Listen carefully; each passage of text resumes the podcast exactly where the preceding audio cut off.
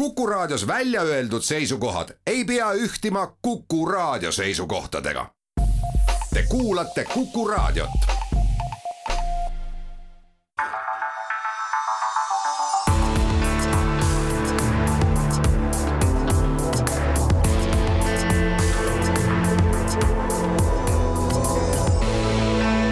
olukorrast ajakirjanduses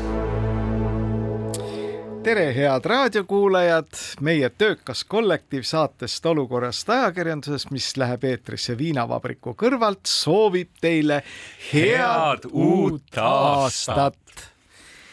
ja hakkame kohe peale. loomulikult ootavad raadiokuulajatelt meilt täna suvaanalüüsi selle kohta, kuidas presidendi kõne mõjus, millised olid selle varjatud nüansid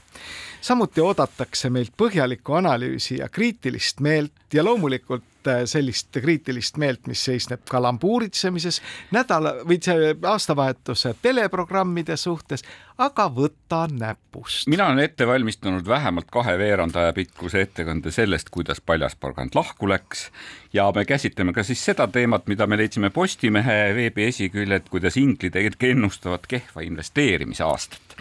ja ja aga meil on, kuna me saime jõuludeks jõuluvana käest koos Rudolfiga toodi kohale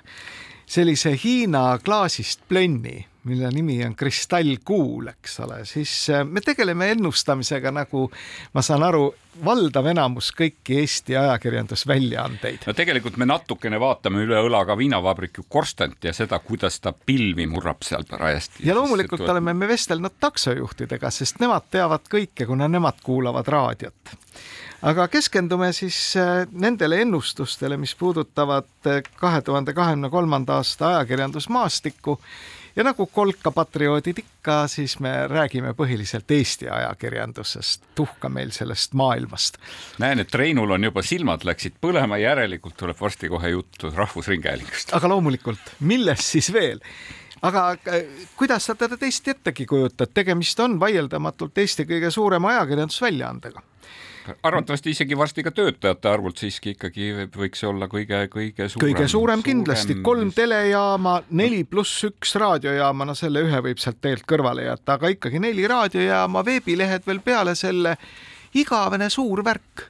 tohutu hulk žurnaliste, ajakirjanikke eesti keeles, eks ole. ja kuidas siis mitte sellest rääkida aga prognoosime, mis sealt siis äh, kakskümmend, kakskümmend kolm juhtuma hakkab? no eks rahaliselt on see ikka olnud meil kõigil raske aasta ja kui me nüüd vaatame seda, et telemaja küte, kui palju maksab, eks ju, siis see küte on möödunud aastal väga palju kallimaks läinud no mina arvan, järelikult et... peab koomale tõmbama hakata, ma tegelikult ju ühest otsast ja ühest seinast ja teisest seinast natukene jutte on sellest, et ERR ka juba nagu midagi koomale hakkab tõmbama inimeste osas ja kulude osas ja, ja ja, ja tegelikult ka mõned kodanikud, kes on ERR-ile programmi tootnud, kurdavad juba, et raha ei taheta enam nii kergesti välja anda, et no mina arvan, et see niisugune lõputu hala sellest, et raha ei ole, et see jätkub muidugi täie hooga iseenesest seal nagu raha oleks, et kui vaadata seda eelarvet ja kõiki neid numbreid, siis selle eest saab tegelikult head ajakirjandust toota küll, kui seda raha mõistlikult kulutada. ma arvan, et ta kuskil kevadel siis, kui pannakse lõplikult jälle kokku seda riigieelarve strateegiat, algab jälle see lõputu jauramine nende uue maja osas. see uus maja oli ju tegelikult see mõni aasta tagasi, kui see, kui see sellesse samasse eelarvestrateegiasse jälle kuidagi sisse läks ja, ja tekkis lootus selle, selle maja püstipanemise osas, eks ju, üks rõõm oli suur et eh, ehitus eh,, ehituslubade ja, ja detailplaneeringutega on alati see ilge jama seal olnud selle maja osas, ma mäletan. no minu isiklik arvamus selle maja suhtes on olnud tegelikult juba aastaid see, et sellises vormis nad nagu seda täna kavandavad, seda tohutut kolossi sinna Gonsiori ja Kreutzwaldi tänava nurgale, täitmaks siis seda hoovipoolset pinda, ei ole neil tegelikult tarvis arvestades seda kaasaegset tehnoloogiat, millega täna ringhäälingut tehakse, neil on vaja stuudioid, jah, sellega ma olen täiesti nõus, aga kahe-kolme stuudioga kompleksi ehitamiseks ei ole vaja teha niisugust meeletut kinnisvaraarendust, nii palju betooni kulutada, nagu see on praegu plaanis. see on ka üle mõistuse kallis ja sellest on mõistusega inimesed ka valitsuse tasemel selgelt aru saanud, aga karavan liigub ikkagi kindlalt edasi, nii et eh, eks näis, kuhu see debatt lõpuks välja viib aga noh, loodame kõige paremat, et vähemalt see projekt ikkagi mingil moel ringi tehtaks. nojah, põhiline on nagu see, et, et kui, kui see raha, ERR-i raha peaks äh, kuluma maja peale, siis saadete jaoks jääb vähe raha ja siis tuleb seda raha kusagilt mujalt hankida tavaliselt ja siis me jõuamegi omaenda tavalisele sisse tõlla-, sisse tallatud ja sisse räägitud rajale, jah? No enam-vähem jah, ega seda hala, ega mina ennustan, et mitte midagi ei muutu ERR-is, välja arvatud see, et see nendest telejaamadest ja ka raadiokanalitest tõenäoliselt saab aina rohkem ja rohkem turunduskanal. Kõik need turunduslikud ilmingud, millest meil on hea ka rääkida nüüd aastavahetuse kontekstis, need süvenevad aina rohkem ja rohkem tuleb neid tuttavaid, kes tunnevad kedagi, kes tunneb kedagi ERR-is nende isikute hulgast, kellel on siis voli midagi eetrisse lasta, et saaks enda tooteid või teenuseid seal promoda. Selles osas minu meelest andis selle suuna kätte kolmekümne esimene detsember, kus kõige kallimal ajal televisiooni jaoks prime time'is. turundaja unelm oli. turundustegu number üks. turundaja unelm aastast. oli tõepoolest eh, Rahvusringhäälingu esi, põhilisel kanalil, eks ju, tunni, tunnise saatena ja mitte esimest korda, eks ju, tähendab, aga vahetult eh, uue seeria piletimüügi alguse eel, eks ju, vaadata tunnilist saadet sellest, kuidas tehakse ühte etendust, eks ju, ja kui edukas see on ja kui publikum enukas see on. see oli turundaja unelm tõesti. oli, see oli turundustegu. et, et selle koha peal mõtlesin, et milline hinnasilt sellele külge pannakse, et, et selle kõrval, eks ju, väikesed lõigud Ringvaates, eks ju, kus me saeme või praeme või joome uut värsket turule tulnud õlut või, või Terevisiooni lõik sellest, kuidas me ise teeme mandlipiima, mida kohe hakatakse seal Paide taga valmistama, eks ju, aga palju suuremas koguses ja tehasega, eks ju, et see jäi minu meelest täiesti varju selle, selle. me võiksime teha väikse gradatsiooni sellisel turundamisel, et Ringvaates käib selline asi, mille nimi on SEFT niisugune väike et, seft, aga kui... see kolmekümne esimene detsember, vaat see oli äri. et nagu me näeme, et tegelikult, et kui aus olla, et siis niisugused need tasulised kultuuri, ma ei tea, tasulised või tasuta kultuuriteated on kuidagi nagu kokku kuivanud ERR-i eetris, et me oleme ise ka ju muidugi vingunud, et et kellel vähegi on olnud nagu tuttav kontserdikorraldaja või tuttav, tuttav teatrietendus, on pääsenud väga lihtsalt sellesse rubriiki, millele on nagu seal äh, Ringhäälingu nõukogu teatava nagu silmapilkutused ka erandi teinud, et see on koomale tõmmanud aga noh, et ei, ei, loodus tühja kohta ei salli, et see, et see on nagu Youtube'i reklaam, et kui sa ise teed, et põhimõtteliselt, et, et see reklaam ei, ei, ei tohi olla väljast tulnud ja eraldi e, eristatavana, vaid see peab olema sulanduv, saatejuht ise kiidab, kui hea asi on, eks ju, tähendab, et siis see on täitsa okei okay.. aga see, kui sa toimetuslikuks otsuseks. aga kui sa jah, Lõuna-Eesti ühes imeilusas kohas teed sellise etendusproduktsiooni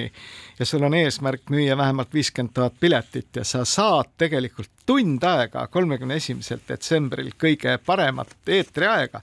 et seda tutvustada, siis see on vaieldamatult aasta turundustegu. me, ma olen siin ülikriitiline sellise asja vastu, aga see etendus tegelikult on väga hea yeah.. nii et noh, sealt tekibki selline omamoodi nagu kahestunud roll, et tegelikult sellistest headest asjadest võiks ju teada anda ka Eesti rahvale ja mitte ainult reklaami vormis. aga noh, see konkreetne asi oli kõige puhtam turundus ja no milles see seisneb, inimesed, kes seisavad selle etenduse taga, töötavad samal ajal Eesti Rahvusringhäälingus, käsi peseb kätt, eks ole, kas seal raha liikus, võib-olla isegi ei liikunud, aga kõik teised, kes plaanivad ka mingisuguseid vabaõhuetendusi ja müüa kalli raha eest pileteid, need imegu käppa. Eesti Televisioon ütles, kuhu raha tuleb kulutada, aga siinkohal teeme meie väikese pausi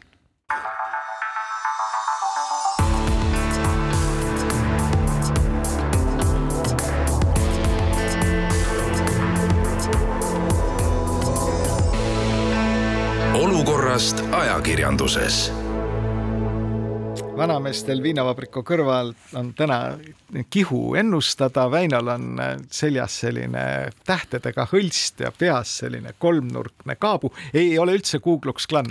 no põhimõtteliselt, aga kui, kui raadiokuulaja saaks vaadata kiletiibadega rinnahoidjasse riietatud Rein Langi, siis see ja, ja keskel see Hiina klaasist plenn. nii, aga vaatan aknast välja, viinavabriku korsten on roheliseks tõmbunud, mida see küll peaks tähendama? see tähendab seda, et eelolevate valimiste puhul on Tallinna linn asunud aktiivselt propageerima rohelist mõtteviisi läbi sellesama ERR-i leping on alla kirjutatud, Mart Luik ühelt poolt äh, esindades Mart Luik, kes siis oli kunagi Tallinna, mis see oli, linna strateegiakeskuse juht, eks ju, praegusel hetkel ERR-i juhatuse liige. ja asub tootma Eesti Laulu vahele klippe, mis oli viiekümne viie tuhande euro eest. on Tallinn, mu Tallinn ja ega Tallinna linn andis teada juba ette, et ega ta ei kavatse nende klippide sisusse mitte üks raas sekkuda, aga ta vaatab lihtsalt, et see propageeriks rohelist mõtteviisi. ta vaatab ka seda, et see, et kuidagi see Tallinna Tallinna kommunikatsioonidirektor Kristi Ruul, Kirsti Ruul rääkis ka mingisugust umbes sellist, et vaatame, et me ei oleks noh, et ei läheks põhimõtteliselt need klipid kuidagi valesti, et, et nagu me räägiksime seda, et kesklinnas puude mahavõtmine ja, ja, ja lausasfalteerimine oleks kohutavalt roheline mõtteviis, eks ju, aga, aga mis muu see siis on, kui tegelikult ideoloogiline kontroll sisu üle ja nüüd on nüüd küsimus, et kas tegu on sisuga, kas tegu on meelelahutusega, mis on sisu osa, kas tegu on meelelahutusega, mis on väljaspool ERR-i ja ETV sisu, eks ju. selle üle nagu tundus, et vaidlus käis, Priit Pulerits oli möödunud aasta lõpus, Postimees avaldas väga korraliku artikli ja sealt oli väga elegantselt oli minu meelest välja toodud, et, et oli eri, erinev vaade, et ERR-i juhatuse liige ütles, et, et ega see ega see Eesti Laulu konkurss ei ole ajakirjandus, see on meelelahutus. meelelahutussaadete peatoimetaja ütleb, et Eesti Laul ei ole mitte meelelahutussaade, vaid see on suurem formaat, milles saab käsitleda suuri olulisi ühiskondlikke teemasid, eks ju. võib-olla leidub siis veel keegi selles majas, kes ütleb, et see on väga hea kaubanduslik formaat. ma ei tea, aga vaata, tuletame nüüd meelde neid geniaalseid sententse, eks ole et peale seda, kui jällegi juhiti tähelepanu, et Eesti Televisioon tegeleb äh, varjatud reklaamiga, siis sellele öeldi, et meie ei tee reklaami, sest see on seadusega keelatud. punkt. siis ma mäletan, et kui meil oli jalgpalli mm et siis kino Seal..., kino, kinoteater julges midagi ütelda alates ERR-i eetikanõunikust ja lõpetades tegelikult FIFA-ga ja sinna vahele jäi siis tegelikult eh, toonase ERR-i jalgpalliteema suursponsori Aivar Pohlaku eh, pihta suunatud eh, kriitika, siis selle peale tegelikult väga-väga elegantselt ERR ise taandas ennast sellest vaidlusest, öeldes, et see, et tegu ei olnud ka ajakirjandusega, tegu oli meelelahutusega. jah, see oli, et see pole ajakirjandus. ja ma mäletan, et et meie saates me esitasime siis küsimuse, et miks ERR-i ajakirjanikud ei esita neid teravaid küsimusi, eh, mida, mida ERR-i palgatud meelejahut-, meelelahutajad eh, esitavad, et kas tegu on siis tõesti sellega, et selles majas tohib suud teravatel teemadel ainult narra avada ja aga mis siis öeldakse peale seda, kui nüüd keegi esitab küsimuse, et miks Eesti Laulu vahele tehakse Tallinna linna rahadega mingisuguseid vaheklippe, siis loomulikult ei ole see üldse mingisugune poliitpropaganda, vaid see on, mis see on, meelelahutus, ei, see on saatepäise kujundus või midagi taolist no suhteliselt mage, aga no ütleme, meie ennustus kaks, kahekümne kolmandaks aastaks võiks olla, et eh, midagi positiivsemaks selles vallas ei lähe, pigem läheb asi hullemaks. aina rohkem ja rohkem leidub neid inimesi, kes on seotud mingite saadetega, kes tahaksid ka nagu osa saada sellest turundusplatvormist, et kuidas siis nii, et noh, Treikop võib ja meie ei või, eks ole, nii et noh, see tootepaigutust hakkab tõenäoliselt tulema oluliselt rohkem kuni siis see lõpeb mingisuguse suuremat sorti skandaaliga, aga kahekümne kolmandal aastal selle skandaalini ei jõuta nüüd äh, üks asi, mille eest mina tunnen nagu tegelikult palju rohkem muret, on see, et millise hoiaku võtab ERR selle käimasoleva Ukraina sõja suhtes et ma olen juba sealt näinud mingisuguseid selliseid teatud võbelusi. mida sa silmas pead? no ma pean silmas nagu rohkem seda, et kuidas, et kas kas see narratiiv, mida esindab Eestis ka üks poliitiline partei, et, et see ei ole nagu meie sõda, et ärme meie sellesse väga sekku. et ja pealegi oleme me teinud kõik, mis meie võimuses on ja rohkem me ei ole suutelised ja hoolitseme pigem iseenda eest, et kas see narratiiv hakkab sisse minema ka sellesse ERR-i ja see sõltub nüüd tegelikult paari järgmise kuu äh, sõja tulemustest.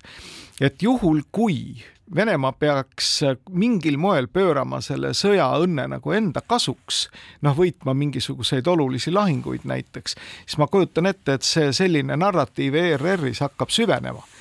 et äh, pigem tõmbame ennast sellest värgist eemale, noh, nimetame seda siis mingiks äh, uusfinlandiseerumiseks või milleks iganes. aga selleks on see pinnas seal väga selgelt olemas. ma ise päris seda ei usu, et, et ma mulle nagu tundus, et ERR oli nagu sõja alguses pisut peata ja venekeelsed kanalid olid peata, aga, aga no tegelikult ta kogus ennast Ukraina stuudioga päris korralikult ja ja mis mind häiris ja, ja mind jätkuvalt häirib ikkagi endiselt uudistesaadetes see, see küllaltki mõõdutundetu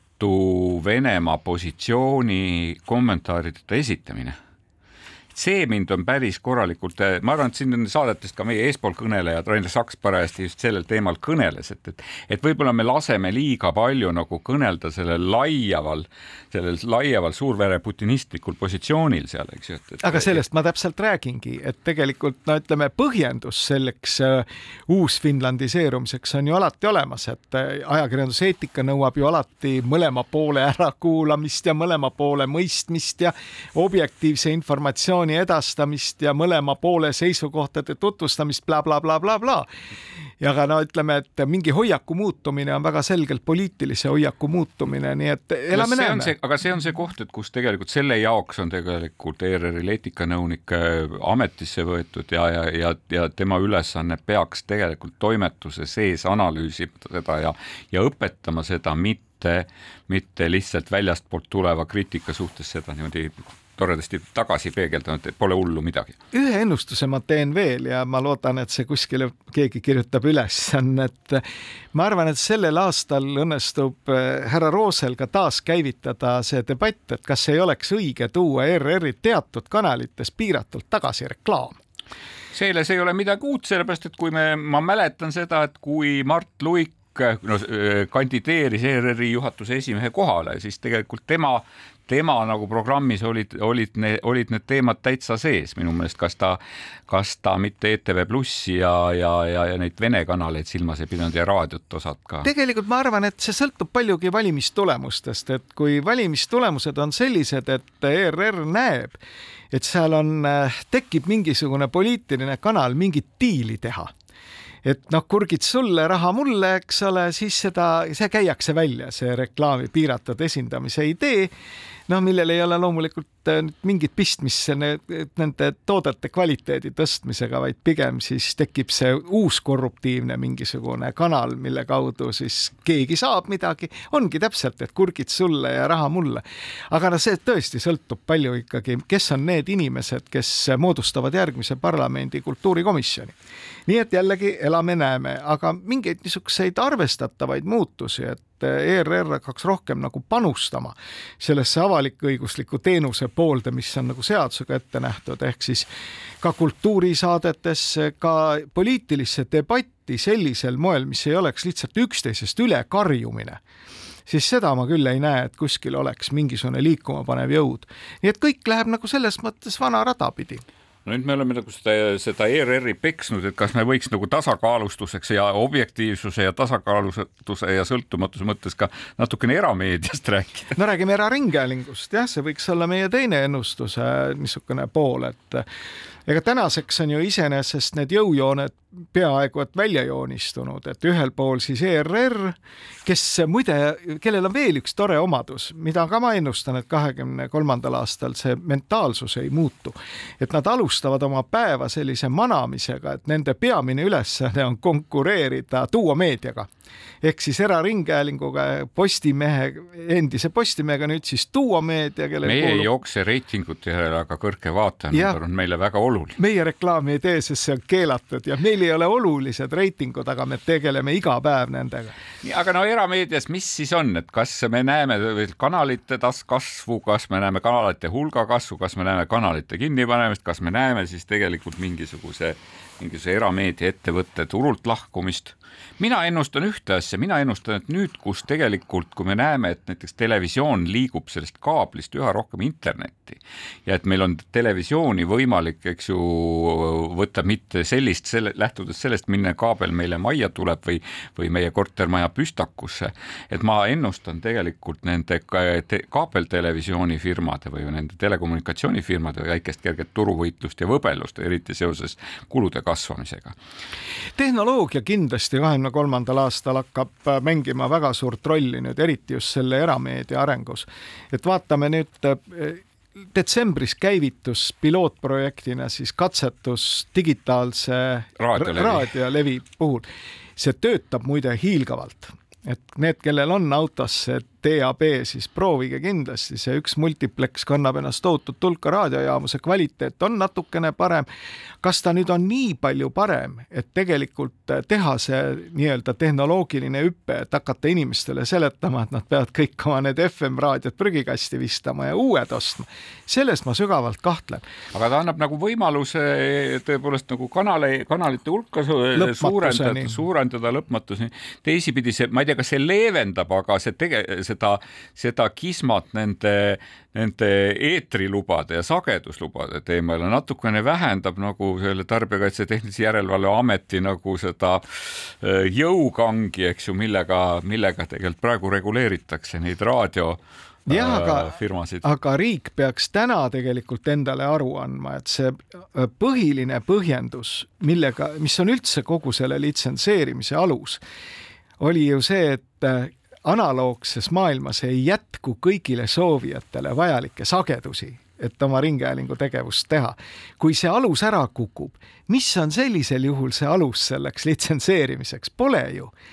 nii et tegelikult peaks täna Eesti seadusandja mõtlema tõsiselt kogu selle loogika ümbertegemisele. mina ei tea, et kuskilt töötaks mingi taibude rühm, kes uut meediateenuste seadust võiks vorpida näiteks ja, ja lõpetada ära selle mõttetu litsenseerimise no,. Kultuuriministeeriumis ka selle valdkonna nõunik, eks ju, sellel aastal olemas, eks ju niimoodi, et ma arvan, et võib-olla keegi sellega ka tegeleb. no ma ennustan ette, et niisugust radikaalse sisuga muudatust, et lõpetada ära tele-raadiojaamadele litsents litsentside jagamine koos kõikide nende sealt olevate tingimustega, et seal et peab olema Eesti tootjad. kolmandiku, kolmandiku mängima lõbusat kantrimuusikat ja ühe kolmandiku kurba bluusi. ja ei, seda vist ei tule kahekümne kolmandal aastal, aga mingisugune initsiatiiv nüüd ütleme selle loogika ümbermõtlemiseks tõenäoliselt tuleb. mida ma ennustan, on see, et noh, duomeedia arvestades sellega, et nad on nii kõvasti kanda kinnitanud, ilmselt laiendab oma teda teenuste plejaadi veel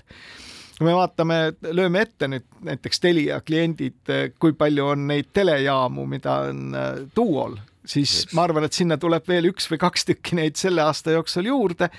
raadiote puhul ennustan ka seda, et tõenäoliselt tuleb mingile maitsele veel mingi muusikajaam tõesti kui, juurde. kui me nüüd nagu vaatame, et kuidas ütleme seoses selle sõjaga, ütleme venekeelne meedia ja ütleme ka nii seal just eriti televisioonis, kuidas ta ühtepidi plahvatuslikult kokku tõmbas, äh, kui me räägime nende Kremli kanalite nagu likvideerimisest meie, meie telelevist, eks ju, ja teisipidi, kuidas ta laienes, kuidas tekkisid uued venekeelsed kanalid või kuidas leiti alternatiive sellele, et kas, kas see on nüüd nagu nagu niisugune ühekordne sesoonne nähtus või see on ka midagi pikaajaliselt, kas me nagu pikas perspektiivis hakkame vaatama Eesti venekeelsele televisioonile kui millelegi nähtusele omaette või see on tõesti niisugune ajutine, et kuna meil on nii palju inimesi, kes veel eesti keelt ei oska,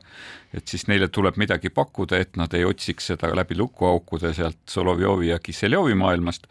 või jah, aga ega ei ole ju inimesi, kellega seda teha, nii et äh, oleme jällegi realistid, et kaks venekeelset telekanalit on täna.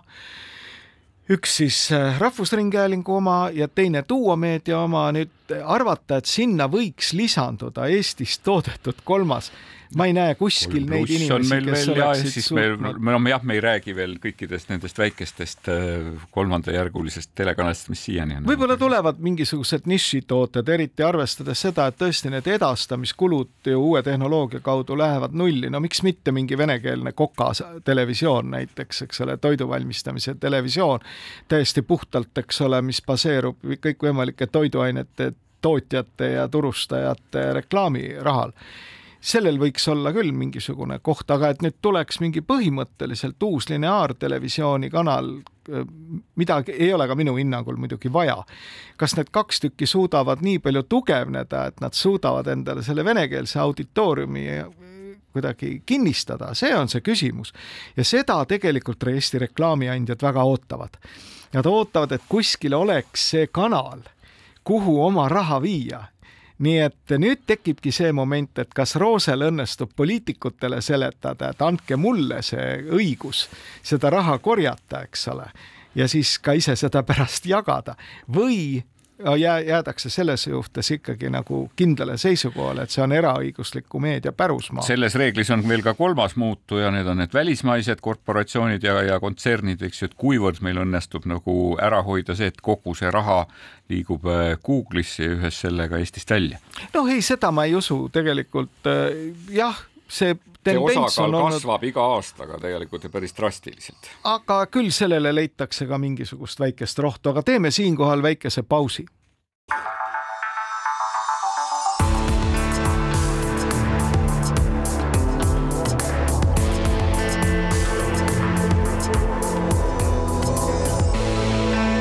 olukorrast ajakirjanduses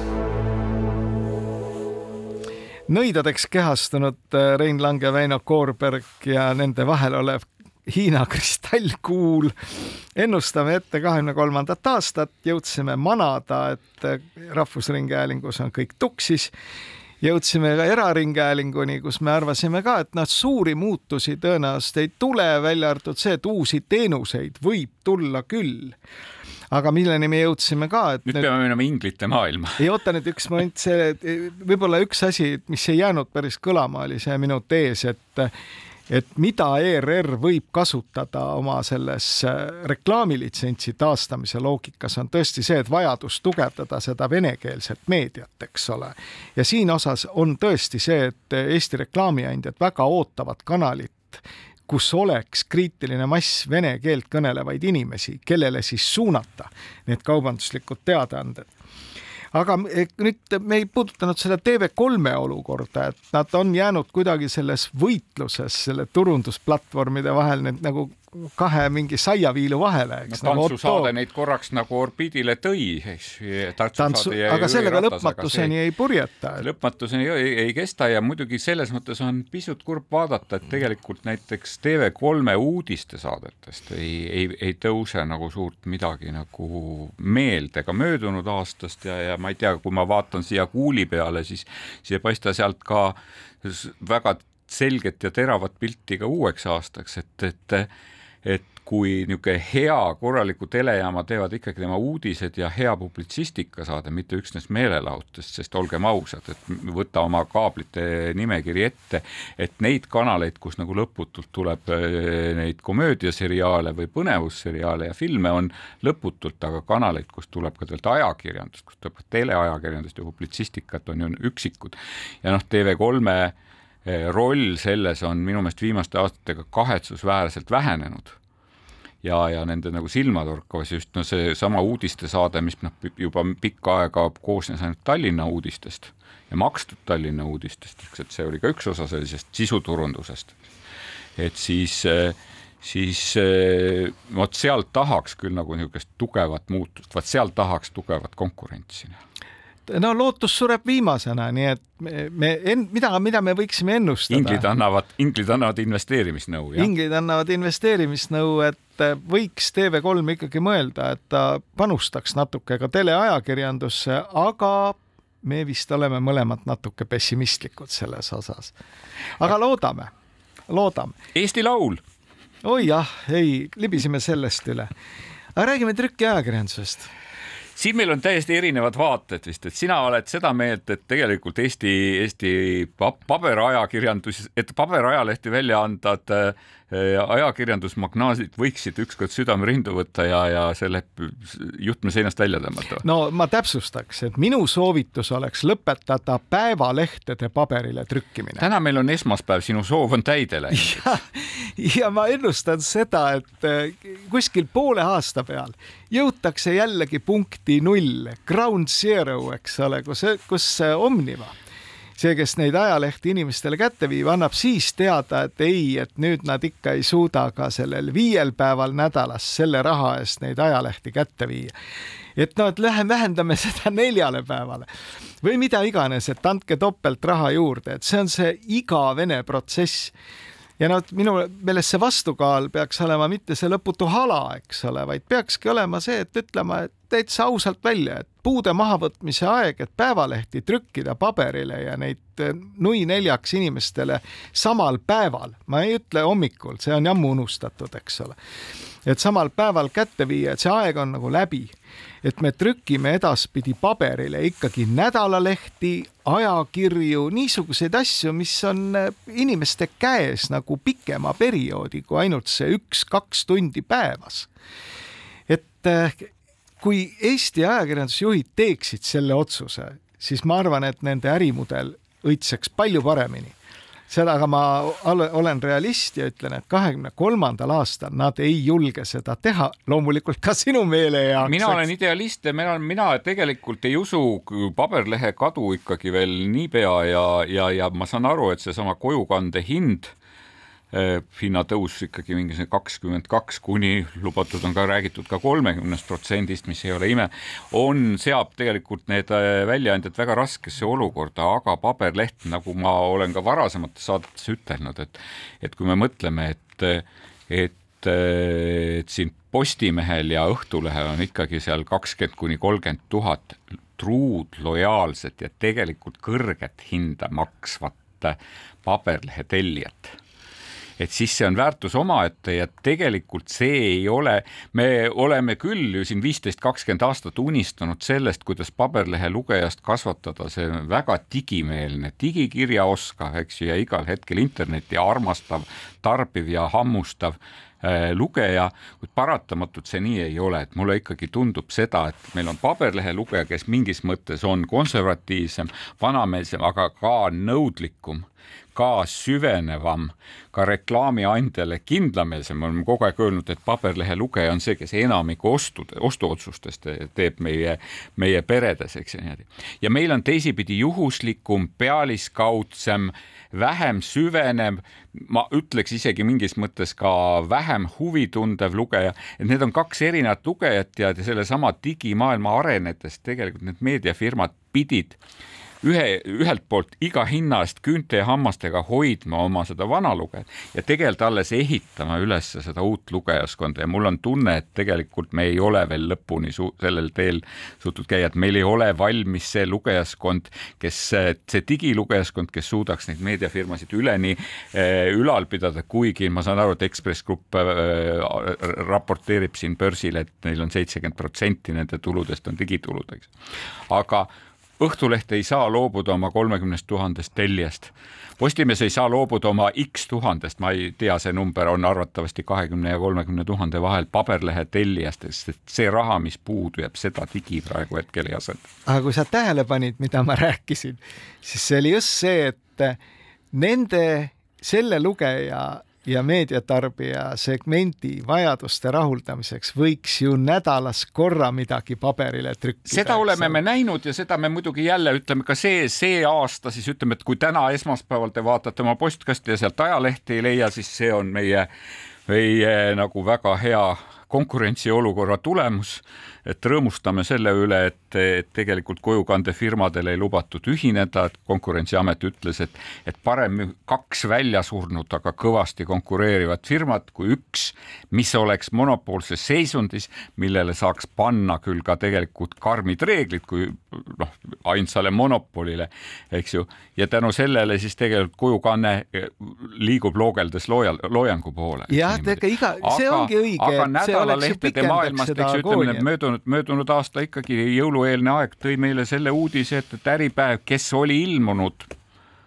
paberis nädalalehena ja ma ütleks paberis, paberis oli ta täiesti marginaliseerunud ja pildilt ära kadunud, kuigi noh, nad püüdsid, püüavad seda iga hinna eest asendada, eks ju, digitaalse ajakirjandusega ja raadiokanaliga ja kõige sellega. mina ütleks, et see on pigem nagu liikumine kusagile teise segmenti üldse täiesti. et nemad on siis otsustanud, et nemad üldse ei ilmu, et see oligi see liigeldes, loogeldes, liikudes loogeldes loojangu poole ehk et, et kui sa oled nädalaleht, eks ju, et, et mida kiiremaks aeg meie ümber muutub, see nädalaleht marginaliseerub, noh, see oht marginaliseeruda suureneb, mulle tundub et sa no, ei ole, et sa ei ole iga päev inimestel meeltes. hüva, me ei jõua siin ühisele äh, ennustusele ka ilmselt mitte, aga võib-olla selles mõttes jõuame, et kahekümne kolmandal aastal tõenäoliselt ei juhtu midagi. et minu ennustus on see, et kahekümne kolmanda aasta poole peal jõutakse jälle sama jutuni tagasi, et noh, et täna nüüd alates tänasest kantakse teile see päevaleht koju viiel päeval nädalas ja poole aasta peal jõutakse sellele tõdemusele, et selleks ka raha ei ole, eks ühel ole. hetkel me jõuame ka sellele tõdemusele, et me saame aru, et, et sellel päeval, kui ajalehti koju ei kanta ja selle eest äh, ajakirjandusfirmad e, e, Eesti Postile või Omnivale raha ei maksa, et siis kirjade kandmine, kirjade kandmise omahind muutub selle võrra veel kallimaks. no kirjade kandmine on praktiliselt niikuinii Eestis juba lõppenud. aga kas me siis jõuamegi see, et me peaks tegelikult laulma siis Requiemi postimeestele või? Kindlasti mitte, ma arvan, et need postimehed hakkavad tooma kohale, postimehed nüüd ütleme selles tähenduses, et nad on kirjakandjad, eks ole, muidu Hõbemägi saab kohe rabanduse aga eh, ma arvan, et seni ei juhtu nagu selles vallas jällegi midagi, et eh, küll neil seda kraami, mida postkasti no, panna ikka on. pakikandjad ja kirjakandjad vist siiamaani liiguvad väga sageli erinevates autodes, täpselt nii nagu liiguvad Eesti Posti Ekspress Posti lehekandjad. aga võiksid... kas on mõtet tõesti tass, kas on mõtet võtta maha puid, tang-, eh, trükkida sinna peale, muide nüüd juba amortiseeruvate masinatega, mille käitamiseks ei ole varuosi ega gaasi trükkida sinna mingisuguseid värvilisi pilte ja mingit teksti ja siis nui neljaks toimetada see kuidagimoodi sinna kirjakasti ja inimesed ka veel pahased, et akent ka ei saa pesta selle kvaliteetse materjaliga. et kas see tegevus ikkagi on mõttekas, kas see lihtsalt ei raiska seda ajakirjandusliku sisu tootmiseks vajalikku ressurssi? mina väga loodan, et juhid, omanikud jõuaksid sellele tõdemusele, et see risk tegelikult väärib küünlaid. no paratamatult needsamad omanikud ei saa meie eest, riigi eest ära otsustada seda viimase miili küsimust, eks ju, et, et kiire internet oleks kättesaadav igas, igas selles talus, kuhu praegu lehekandja läheb. no seda, selleks võiks ju survet avaldada. et meil oleks, et meil oleks tegelikult noh, me võime küll rääkida Eestist kui tiigrist, vananevast ja paksenevast, eks ju, IT-tiigrist, aga et meil oleks tegelikult pädevus kasutada neid seadmeid, et meil oleks valmisolek kasutada neid seadmeid, et see kasutajakogemus oleks selline, et inimesed tahaksid seda kasutada. ja Väino, aga tähendab, millised eh, komponendid on täna täidetud, kas aga, seadmed on kättesaadavad, on kättesaadavad, nad on kättesaadavad enam-vähem mõistliku tasu Rein, eest. mitu digitellimust sul on? No mul on mõlema kontserni omad, eks ole. kui, kui tihti seda, sest, sest eh, me oleme Reinuga siin saatest kaks erinevat inimest just selle tõttu, et mulle tundub. oot-oot-oot-oot-oot, väike paus.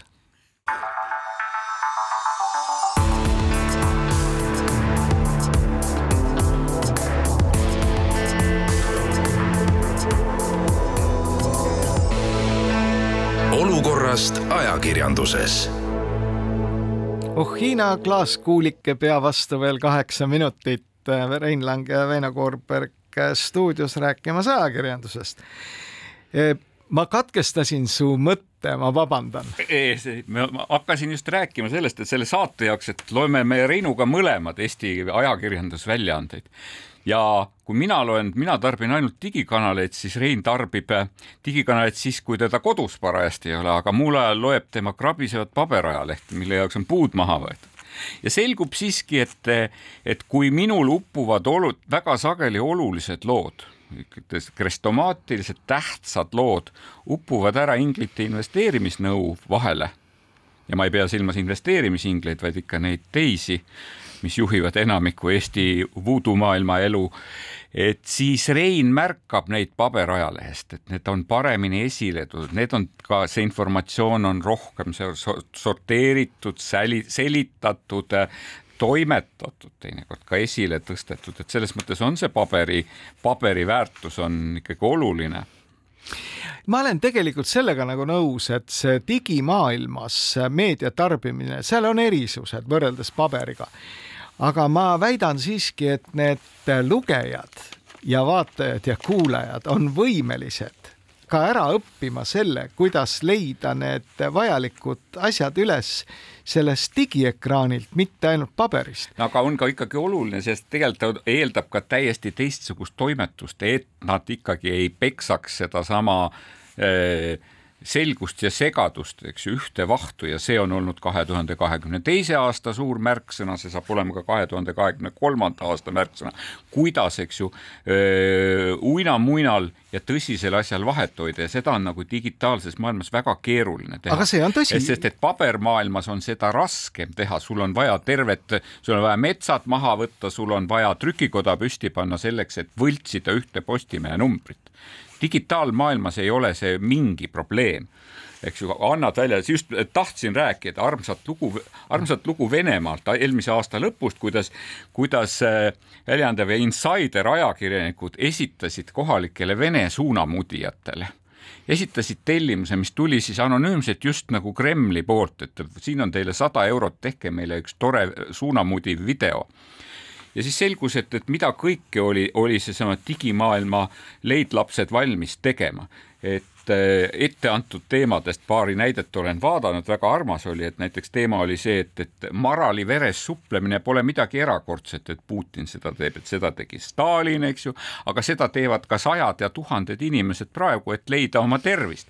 me nägime suurepäraseid videoid sellest, eks ju. teine, teine teema väga armas, mida nagu suunamudijad raha eest käsitlesid ikka oli see, et, et Zelenskit, Ukraina president Zelenski, et ega ta tegelikult juut ka ei ole, tema tegelik perekonnanimi on Bayraktar ja siis oli seesama digimaailm oli äkki täis armsaid, armsaid, eks ju, suunamudimisvideoid, eks ju, paljastavaid, eks ju, ja olgem ausad, et eks ju, kust see vaene inimene peab aru saama, et nüüd noh, et see ei olnud tõsi. et seesama meediakirjaoskus, eks ju, et see oskus ära tunda. Et see muutub nii oluliseks, aga mulle, mul on tunne, et see nagu see rahva või lugeja meedia harimine ei tule praegu järele mulle millegipärast tuleb seoses selle debatiga meelde see reegel, mille kehtestas Pariis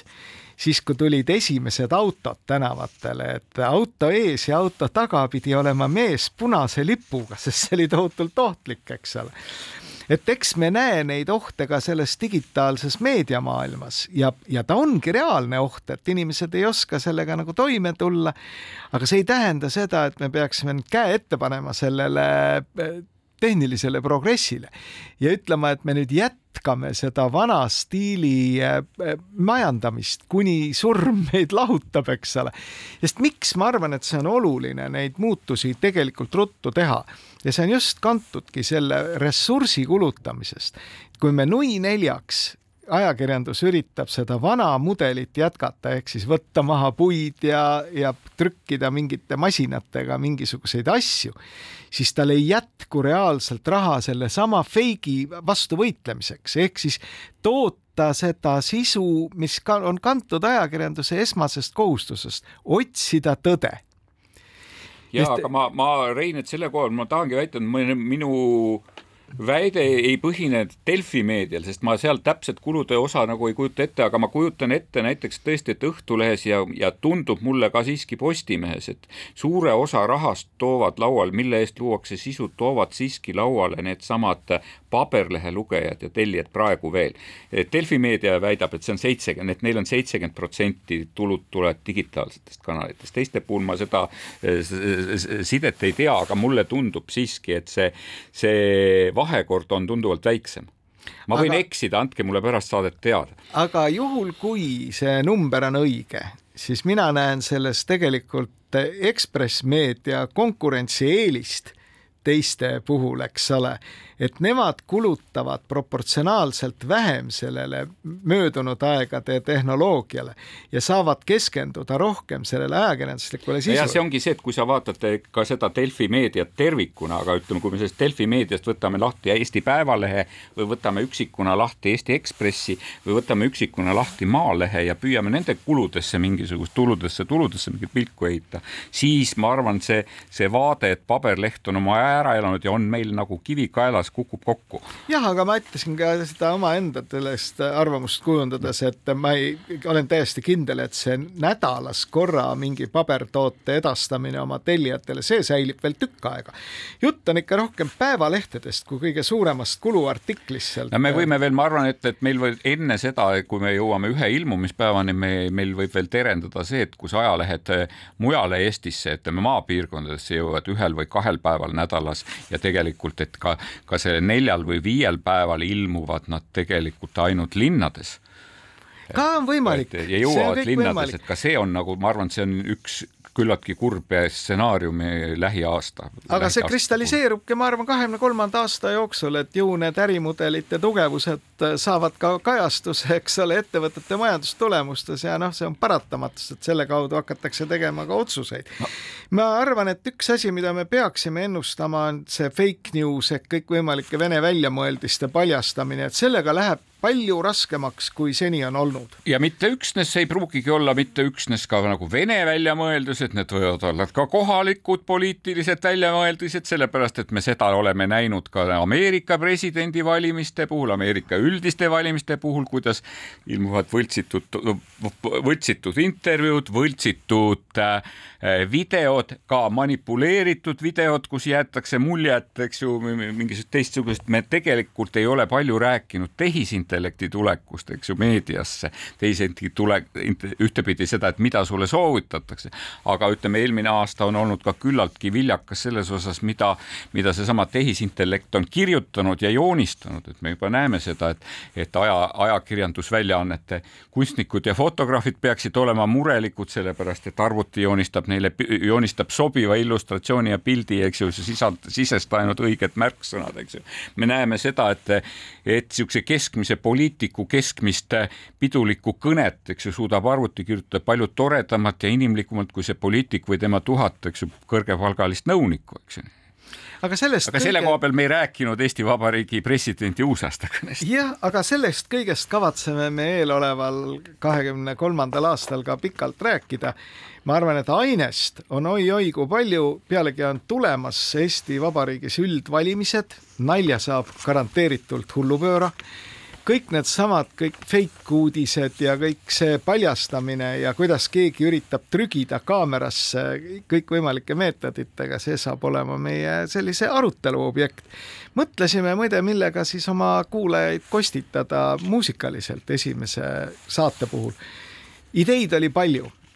aga me seekord läheme täiesti kõrvale oma traditsioonilisest rubriigist Oh lenda nüüd, oh muusikaline mõte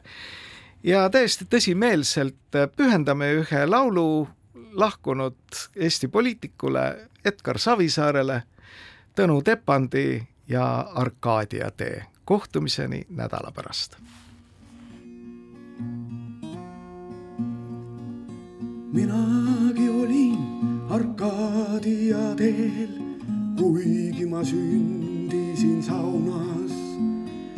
Mõni mõnikord mõtlen, ma läheksin veel muretu nooruk Arkadia teel. marssali kepike paunas.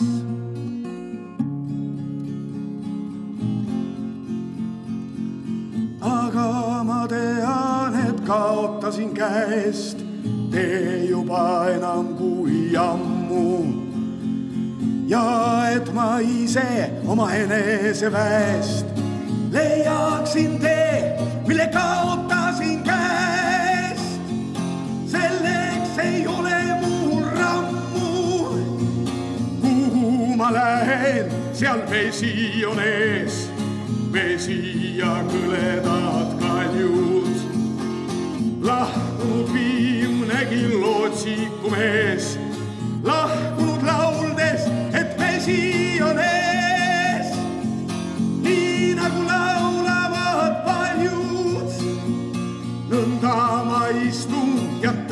tõesti ei tea, vanduda ennast või saatust.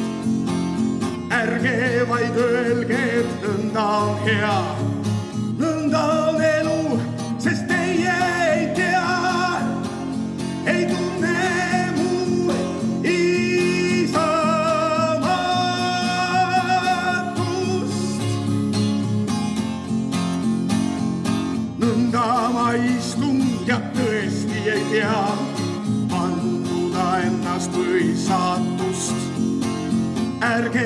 ärge